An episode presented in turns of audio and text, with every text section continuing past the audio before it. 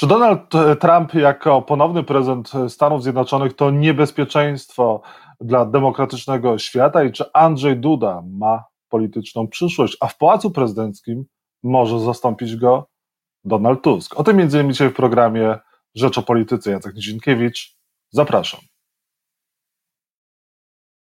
A Państwa i moim gościem jest były prezydent Polski Aleksander Kwaśniewski. Dzień dobry Panie Prezydencie. Witam serdecznie. Panie prezydencie, komu potrzebna jest dzisiejsza rada gabinetowa, którą zwołał prezydent Andrzej Duda? Chyba spójrzmy na to pozytywnie. Myślę, że obu stronom. No, jeżeli w tym okresie pierwszym koabitacji e, zawodził przepływ informacji, nie było mm, odpowiednich e, konsultacji, no to Rada Gabinetowa wypełnia to zadanie. Znaczy, prezydent powie, czego oczekuje, jak widzi swoje zadania. Y, premier Tusk powie, y, co robi rząd i, jakiego wsparcia oczekuje od prezydenta. Więc ja bym y, patrzył na to, gdyby przyjąć pozytywny wariant, jako taką no, konstytucyjnie dopuszczalną formę komunikowania się prezydenta z rządem, co w okresie koabitacji ma sens. Natomiast czy nie będzie negatywnego scenariusza, co rozumiem jako negatywny, no że obie strony postanowią sobie powiedzieć sporo słów nieprzyjemnych, no i rozejdą się jeszcze bardziej, tak powiem, oddaleni od siebie. No, ale zobaczymy. To już parę godzin tylko i, i będziemy wiedzieć, czy bardziej zrealizuje się ten scenariusz pozytywny, za którym byłbym, no, czy ten taki propagandowy, czyli walczymy dalej. No, prezydent Andrzej Duda chyba chce walczyć jednak z rządem Donalda Tuska, bo zapowiedział chociażby, że ustawy y, przegłosowane w parlamencie bez Macieja Wąsika i Mariusza Kamińskiego będzie wysyłał, co prawda w trybie następczym, do Trybunału Konstytucyjnego. Y, no, ale to też być może jest okazja, żeby y, minister sprawiedliwości powiedział, na czym polega stanowisko rządu i dlaczego rząd czyta decyzję o skazaniu, prawomocnym skazaniu obu panów za jednoznaczne z utraceniem mandatu. No, prezydent powie pewno swoje argumenty i, i, i, i tu się może rozejdą, ale ja osobiście uważam tę decyzję, czy tą zapowiedź prezydenta za nieodpowiedzialną, bo to, to, to nie służy niczemu, a poza tym prawomocny wyrok miał miejsce, on może się nie podobać, ale, ale miał miejsce i to utracenie mandatu w moim przekonaniu jest faktem.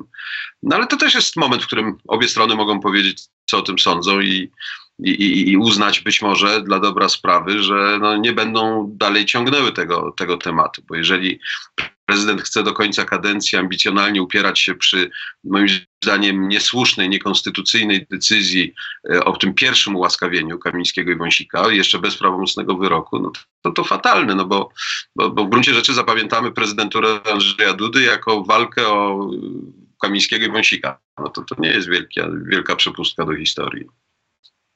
Panie prezydencie, Andrzej Duda chce informacji na temat CPK, na temat elektrowni y, atomowych, na temat armii. Jeżeli chodzi o samo CPK, to powinien ten projekt być realizowany? Chyba mnie w sprawie CPK brakuje takiej rzeczywiście bardzo otwartej i transparentnej debaty fachowców. Nie, bo y, z mojego takiego punktu widzenia, no jednak ignoranckiego, przecież ja się nie zajmuję mm, tymi kwestiami. Oczywiście wygodne jest i bardzo lubię lotnisko na Okęciu i mam, mieszkam na Wilanowie, więc ja na lotnisko mam w sumie 10 minut, a teraz przez ten tunel pod Ursynowem to to jest w ogóle bezkorkowe, że tak powiem, dostanie się na, na, na, na mm, Okęcie. Mm, e, więc ja to lubię, ale z drugiej strony wiem, że duże miasta mają kłopot z rozwijaniem portów lotniczych, bo po prostu nie ma miejsca. Już nie mówiąc o tym, że jest kwestia hałasu, jest kwestia zanieczyszczeń, no bardzo wielu rzeczy, które dla mieszkańców miasta są nie mniej ważne jak bliskość portu lotniczego, więc to trzeba rozważyć po pierwsze.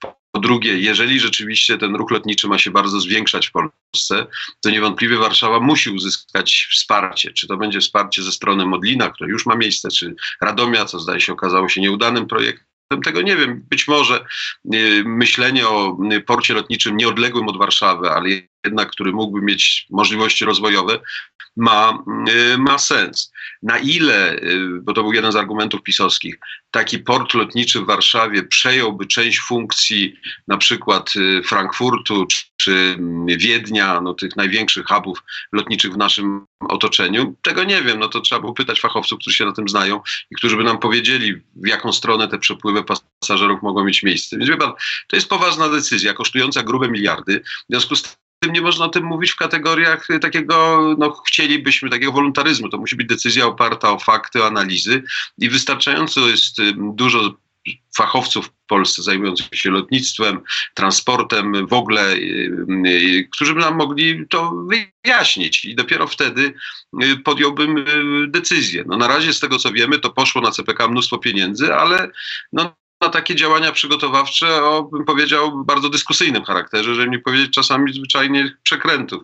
To też wymaga wyjaśnienia, ale y, w moim przekonaniu, jeżeli z dzisiejszej Rady Gabinetowej wyjdzie wniosek, że sprawę CPK poważnie w gronie fachowców i z udziałem opinii publicznej trzeba przedyskutować, to ja uważam, będzie to krok w właściwą stronę. To, to nie jest decyzja, którą trzeba podjąć już dzisiaj, tak na 100%. Ona może być podjęta i za miesiąc, i za dwa, no ale po jakiejś jednak analizie, no, z jakąś wiedzą. A jeżeli chodzi o kwestię budowy elektrowni atomowej, my tej elektrowni potrzebujemy, czy też zmiana miejsca, gdzie ona była wybudowana, to jest jednak sytuacja ryzykowna i opóźniająca ten projekt? Wie pan, w sprawie elektrowni atomowej jestem bardzo doświadczony, bo ja prowadziłem takie debaty publiczne jako minister w rządzie jeszcze Messnera, zaraz po Czarnobylu, o tym pierwszym projekcie elektrowni atomowej w Żarnowcu, co oczywiście katastrofa czarnobylska zamknęła na lata. To, jest, to był rok, proszę pana, 86. Dzisiaj mamy rok 24. Prawie 40 y, lat minęło i jesteśmy w tym samym punkcie, więc y, y, Polsce elektrownia atomowa jest potrzebna, szczególnie jeżeli chcemy stawiać na energię zieloną, czyli taki stabilizator dopływu produkcji energii jest potrzebny. No, nie chcemy, żeby był to węgiel, więc prawdopodobnie najlepszym rozwiązaniem jest elektrownia atomowa. No i trzeba tu podjąć decyzję. Zmiana lokalizacji, w moim przekonaniu, w tej chwili no, znowu opóźniałaby ten proces. Wie pan, ja coraz bardziej jestem przekonany, że ja już za swojego życia nie doczekam elektrowni atomowej y, w Polsce, choć na szczęście rozwijają się nowe technologie. To, co w tej chwili na świecie się dzieje z małymi elektrowniami atomowymi, to może być prawdziwa rewolucja. Wie pan, to może zmienić całkowicie dostępność tej, tej energii, ale, ale to trzeba zrobić. Ja uważam, że dla bilansu energetycznego w Polsce, jeżeli chcemy mocno postawić na zieloną energię, a ludzie tego chcą. Jest coraz więcej inwestycji prywatnych, tych fotowoltaicznych i, innych, no więc trzeba im pomóc, ale trzeba tą, ten, ten, ten bilans mm, energetyczny mieć mm, dopracowany i z tego punktu widzenia elektrownia atomowa jest potrzebna i powinniśmy już zacząć to robić, a nie ciągle dyskutować o tym. Pytanie, czy to są tematy, które e, są konieczne do tego, żeby zwołać Radę Gabinetową, jak to prezydent robi? Czy może Andrzej Duda jednak chce coś ugrać na tej Radzie Gabinetowej politycznie dla siebie? No, ale ja wracam do, do punktu wyjścia. Jeżeli problemem pierwszego okresu kapitacji, a niewątpliwie tak było, był brak czy niedostatek komunikacji między prezydentem a rządem, e, no to Rada Gabinetowa jest taką formą, żeby ta komunikacja była lepsza. Można było przed Radą Gabinetową prezydent mógł powiedzieć, o wielu rzeczach nie wiedziałem. Po Radzie Gabinetowej nie powinien już mieć takiego argumentu. A czy on trochę mm, tym gra? No oczywiście, że tak. No Rada Gabinetowa, którą kieruje przewodniczy prezydent, no to może dodać trochę splendoru, jeżeli to jest dobrze zrobione, jeżeli czemuś służy, bo jeżeli strony pokłócone się rozstaną, no to to wielkiego pożytku także dla tego wizerunku prezydenta nie będzie. Jeżeli chodzi o kwestię bezpieczeństwa Polski, e, e, to jest obawa, jest prawdopodobieństwo, że Rosjanie zaatakują Polskę? Nie, myślę, że, że nie, bo zaatakowanie Polski oznacza zaatakowanie NATO i tak długo jak NATO będzie jednością, będzie sojuszem, tak długo jak będzie działał artykuł 5 traktatu waszyngtońskiego, to moim zdaniem oni nie zaatakują żadnego kraju NATO, bo to by oznaczało rozpoczęcie jednak yy, już wojny światowej. Więc poza tym Rosjanie dobrze wiedzą, że oni podśmiewają się z NATO, mówią, że to, to nie jest takie straszne, ale oni wiedzą, że, że to NATO jest silniejsze od nich, a wojna na Ukrainie pokazała, że te możliwości militarne Rosji są też ograniczone, że to nie jest taka armia nie do pokonania, jak, jak y, propaganda rosyjska czy wcześniej radziecka y, opowiadała. Więc nie, myślę, że tak długo jak NATO jest silne i tak długo jak Ameryka będzie y, mocnym elementem, czyli liderującym elementem tego sojuszu, to nie zaatakują. Natomiast y, no, zobaczymy, co się wydarzy w Ameryce. Bo, myślę, że to w tej chwili jest taki najbardziej mm, dyskusyjny czy, czy niepokojący punkt w, w, dotyczący najbliższej przyszłości i NATO, a w związku z tym i naszego bezpieczeństwa. Czy gdyby Donald Trump wrócił na fotel prezydenta Stanów Zjednoczonych, to by wzmocniło demokratyczny świat, jeżeli chodzi o kwestie bezpieczeństwa, czy jednak osłabiło? Również nasze bezpieczeństwo? Osłabiłoby, a szczególnie gdyby y, Donald Trump chciał spełnić te swoje obietnice, y, które tak nieopatrznie i w gruncie rzeczy bezmyślnie y, wypowiada.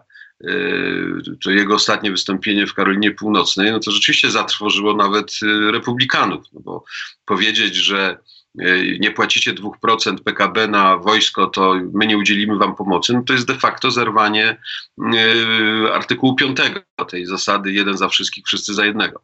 E, jeszcze można to sobie dalej wyobrażać, że jeżeli ktoś płaci 3%, tam Amerykanie udzielą większej pomocy, a jak płaci 4%, to bardzo dużej pomocy.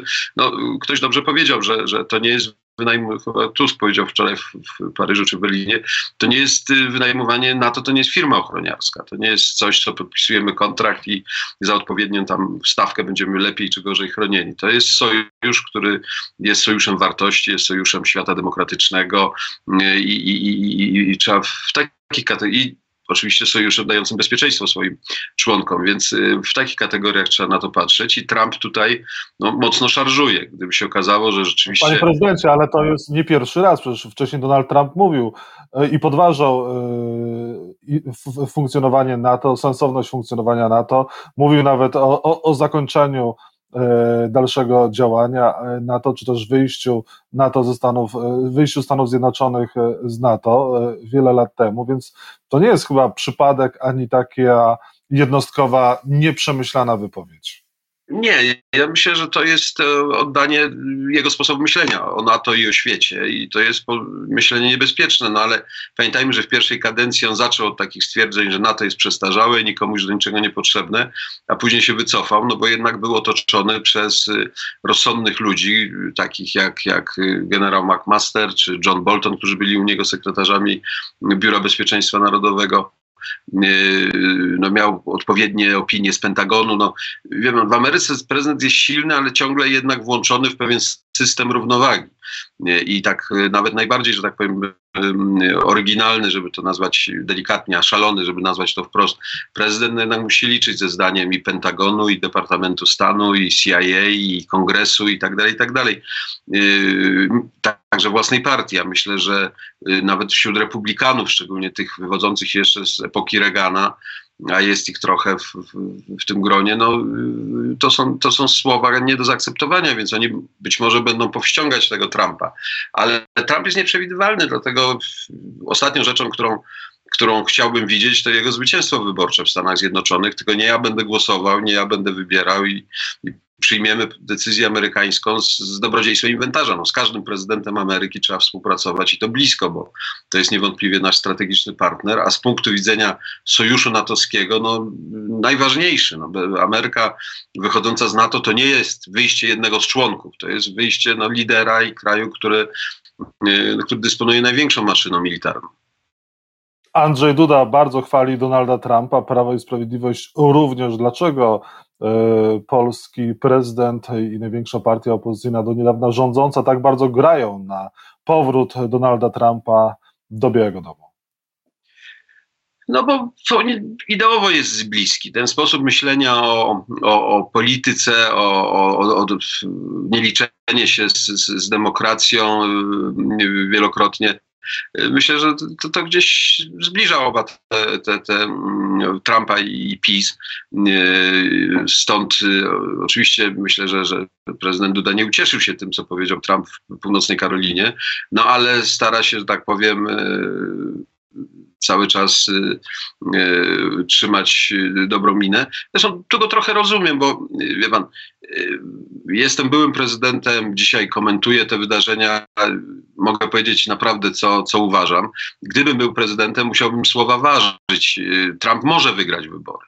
Więc dzisiaj mm, stwierdzenie prezydenta Polski, że y, on nie wyobraża sobie współpracy z Trumpem, czy uważa, że Trump jest człowiekiem niebezpiecznym, no to pewno nie byłby najlepszy pomysł.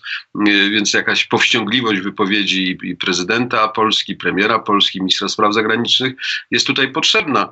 Y, zresztą też uważam, bodajże Radek Sikorski wczoraj powiedział, też ważną rzecz.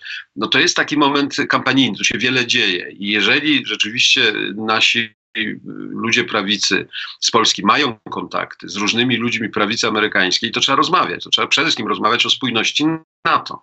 Trzeba im tłumaczyć, że wszystkie pomysły, nawet ta retoryka osłabiająca NATO już jest dla nas niekorzystna. Ona już pomaga Putinowi. Jeżeli jeszcze nic się nie stało, ale tylko zaczynamy takie rzeczy opowiadać. Więc y, być może to jest rzeczywiście czas na poważną akcję taką lobbyingową, kontaktów, wysyłania listów.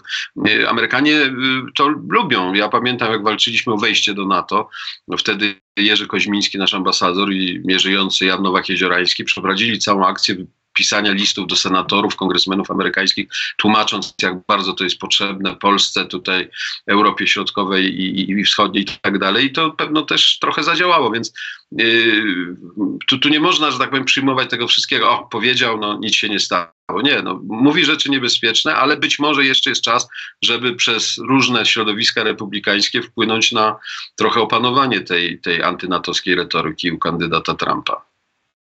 A kto może wpłynąć na Władimira Putina i czy ten wywiad, który, którego udzielił Tuckerowi Carlsonowi, pokazuje człowieka silnego, zdeterminowanego, y, który nie ustąpi, czy jednak może to, była, to był pokaz y, człowieka słabego, który no, nie panuje może nad sobą i też e, wojna w Ros e, Rosji z Ukrainą ma się ku końcowi. Czy może się jednak nie ma ku końcowi? Jak to wygląda, panie prezydencie, dzisiaj? Znaczy, wie pan, dla mnie ten wywiad y, nie, nie, nie, nie uczynił ani z Putina człowieka silnego, ani, ani słabego. No, Putin jest y, Putinem. Putin za chwilę wygra w sposób bezdyskusyjny wybory prezydenckie. Będzie na kolejne sześć lat y, prezydentem. On już ma 70 chyba dwa, także to perspektywa, nie, bym powiedział, długa bardzo.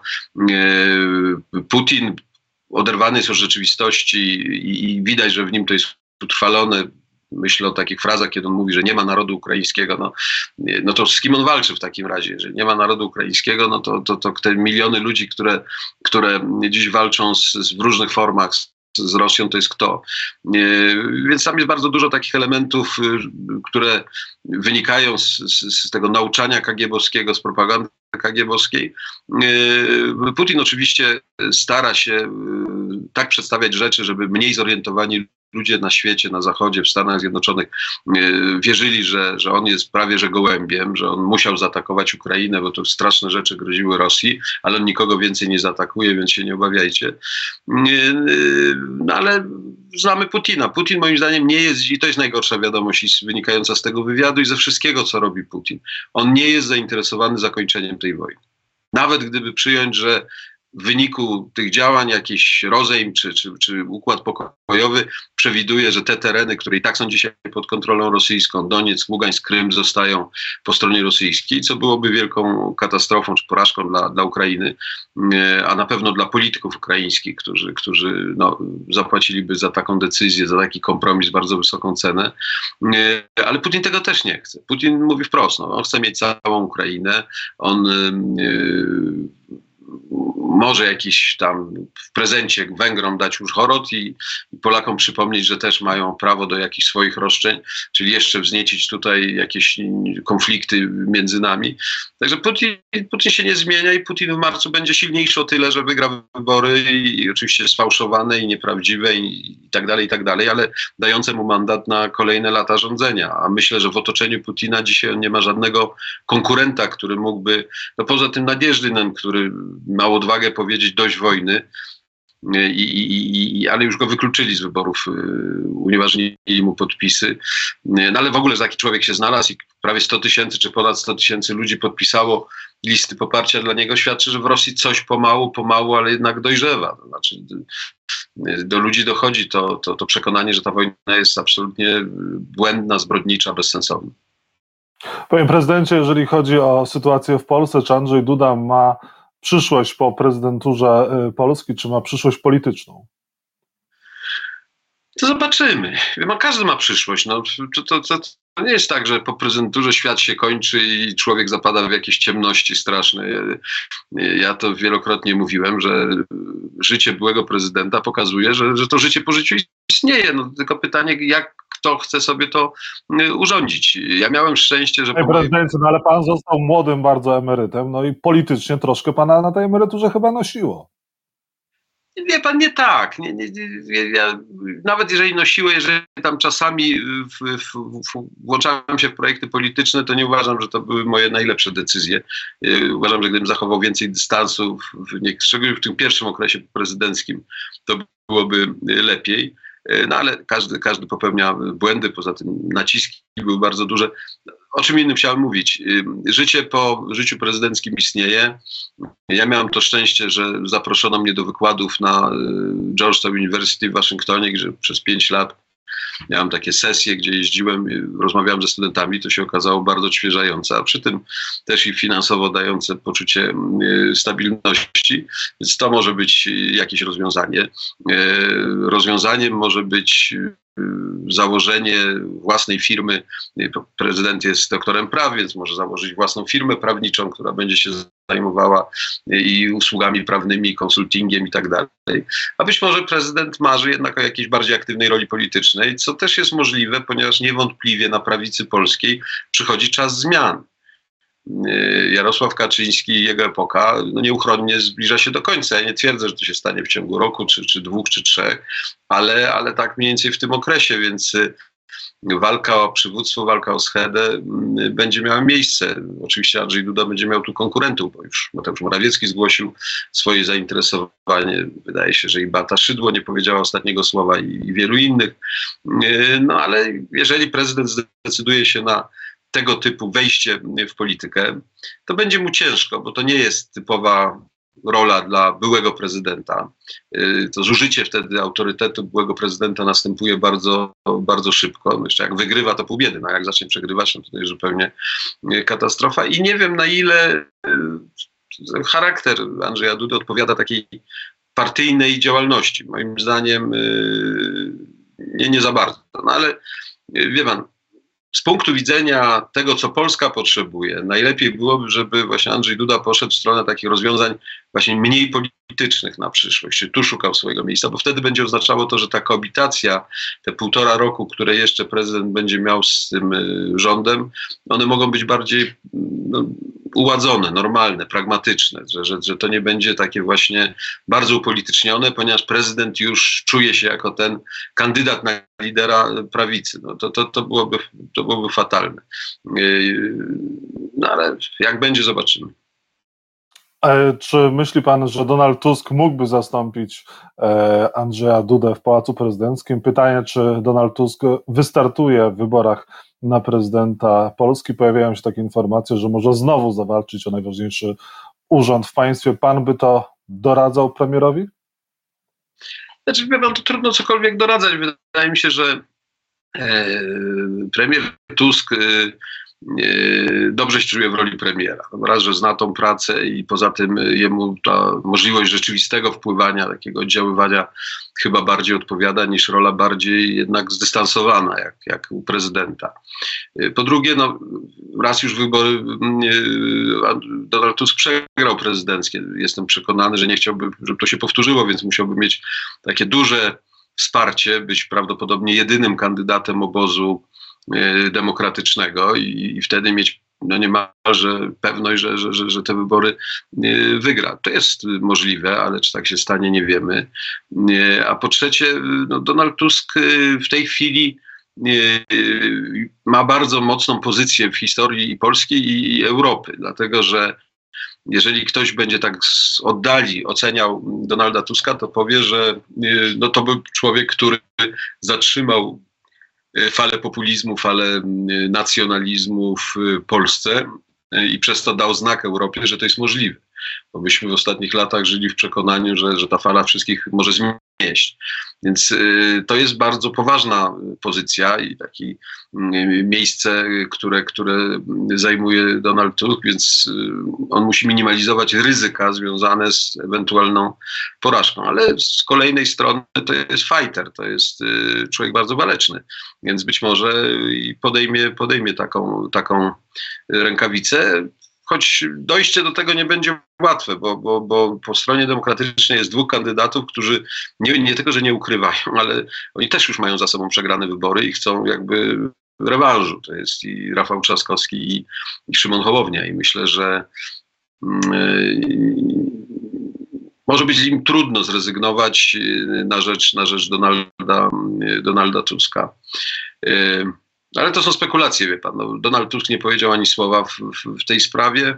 Do wyborów jest coraz mniej czasu. Wiele rzeczy zdarzy się po drodze. Na przykład dla Rafała Trzaskowskiego kluczowe będzie wynik y, w wyborach samorządowych. Jeżeli on wygra mocno w pierwszej turze, to jego pozycja wzrasta. Gdyby się okazało, że ma kłopoty z tą pierwszą turą, no to, to będzie gorzej i tak dalej, i tak dalej. Więc jeszcze tu wiele zakrętów. Lewica została osłabiona przez to, że idzie samodzielnie do wyborów samorządowych. Donald Tusk nie zdecydował się z koalicją obywatelską pójść wspólnie właśnie w tym bloku z lewicą. Komu to służy, komu to szkodzi? Znaczy, Donald Tusk czuje, że Platforma zyskuje, według wszystkich sondaży jest w tej chwili silniejsza od PiSu i nie chce się dzielić tym y, dosyć prawdopodobnym zwycięstwem. Y, natomiast gdy chodzi o lewicę, ja uważam, że no ona musi budować swoją tożsamość. Ja, ja nie uważam, że samodzielne startowanie dla lewicy, oczywiście to może być kłopot, bo w wielu miejscach być może nie ma wystarczająco dużo dobrych kandydatów i tak dalej, no ale lewica musi pokazać, że jest samodzielnym bytem, że, że ma swoją tożsamość, że ma swój program program, że jest interesująca dla, dla wyborców, no bo takie przyklejenie się na, na długie lata do platformy, no, no będzie rozmywało tą lewicę, więc w tym sensie uważam, że ta decyzja, choć trudna być może w sensie praktycznym, do, do, do, do, bo mało czasu jest na te wybory, to ona jednak długoterminowo lewicy powinna pomóc. Lewica trzyma się ciągle na poziomie 8%, no, jak 10% to, to uważają za duży sukces. No, to, to nie są y, wielkie liczby i myślę, że Lewica powinna bardzo ambitnie powalczyć o to, żeby te 10% przekroczyć i żeby stać się taką siłą, no, która nie, nie krąży gdzieś wokół progu wyborczego, tylko która jest zakotwiczona tutaj na długie lata w polskiej polityce, tym bardziej, że y, mają dobre pokolenie do tego. No, jak widzę te, te szczególnie panie w, w, na lewicy, ale też i bardzo wielu młodych, zdolnych ludzi, to wydaje mi się, że kadry są. Chodzi o to, żeby to wszystko dobrze, dobrze zgrać i, i trafić do przekonania wyborców.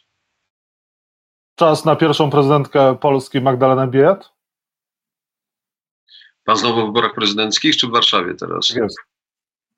W wyborach Prezydent... prezydenckich. Przyjdzie taki czas, przyjdzie, tak. Ale czy, czy, czy, czy za półtora roku, tego, tego nie wiem, ale na pewno na pewno to, to w odróżnieniu od elektrowni atomowej tego mogę dożyć jeszcze. Natomiast. A jeżeli chodzi o wybory w Warszawie, to myśli pan, że e, może zagrozić ma pani e, senator Biejat e, Rafałowi Trzaskowskiemu? Może odebrać trochę głosów, ale myślę, że pozycja Rafała Trzaskowskiego jest, jest jednak tak silna, że, że on tutaj prawdziwie takiej groźnej konkurencji nie ma. Panie prezydencie, musimy kończyć. Ostatnie pytanie. Proszę o krótką odpowiedź, mimo że temat jest bardzo złożony. Czy my jesteśmy w momencie konstytucyjnym, żeby ustawę zasadniczą zmieniać, żeby dokonać resetu konstytucyjnego i za pomocą zmian w konstytucji dokonać również zmian w Trybunale Konstytucyjnym i Sądzie Najwyższym w KRS-ie? To jest ten dobry pomysł na taką zmianę, czy może jednak inaczej należałoby z tego wyjść? Nie, czy wie pan, Krótko powiem tak, no, dzisiaj wyobrazić sobie większość konstytucyjną jest prawie niemożliwe, bo trzeba było przekonać PiS, żeby zagłosował za jakimiś rozwiązaniami. Jeżeli miałoby to służyć uporządkowaniu sytuacji w wymiarze sprawiedliwości i PiS zgodziłby się na coś takiego, no to ja bym to przyjął z, z zrozumieniem, dlatego że mm, żyć w, takim, w takiej dwuwładzy prawnej się nie da. No, no, no, pan, no nie może być tak, że ktoś idzie do sądu i nie wie, czy wyrok to zapadł dał to sędzia normalny, czy ten neosędzia i tak tak dalej, to dla, z punktu widzenia obrotu prawnego, obrotu gospodarczego w Polsce, to to jest fatalne. W związku z tym, jeżeli by doszło do takiego kompromisu, który byłby rezultatem jakiegoś niedużego, okrągłego stołu prawniczego i tak dalej, to, to ja, ja bym to zrozumiał. Natomiast ja w ogóle nie widzę przestrzeni ani dla takich rozmów, ani dla takiego porozumienia. Także wydaje mi się zmiany konstytucyjne dzisiaj no, bardzo, bardzo mało realne. Powiedział prezydent Aleksander Kwaśniewski. Bardzo dziękuję panie prezydencie za rozmowę. Dziękuję, wszystkiego dobrego życzę. Dobrego dnia, dziękuję.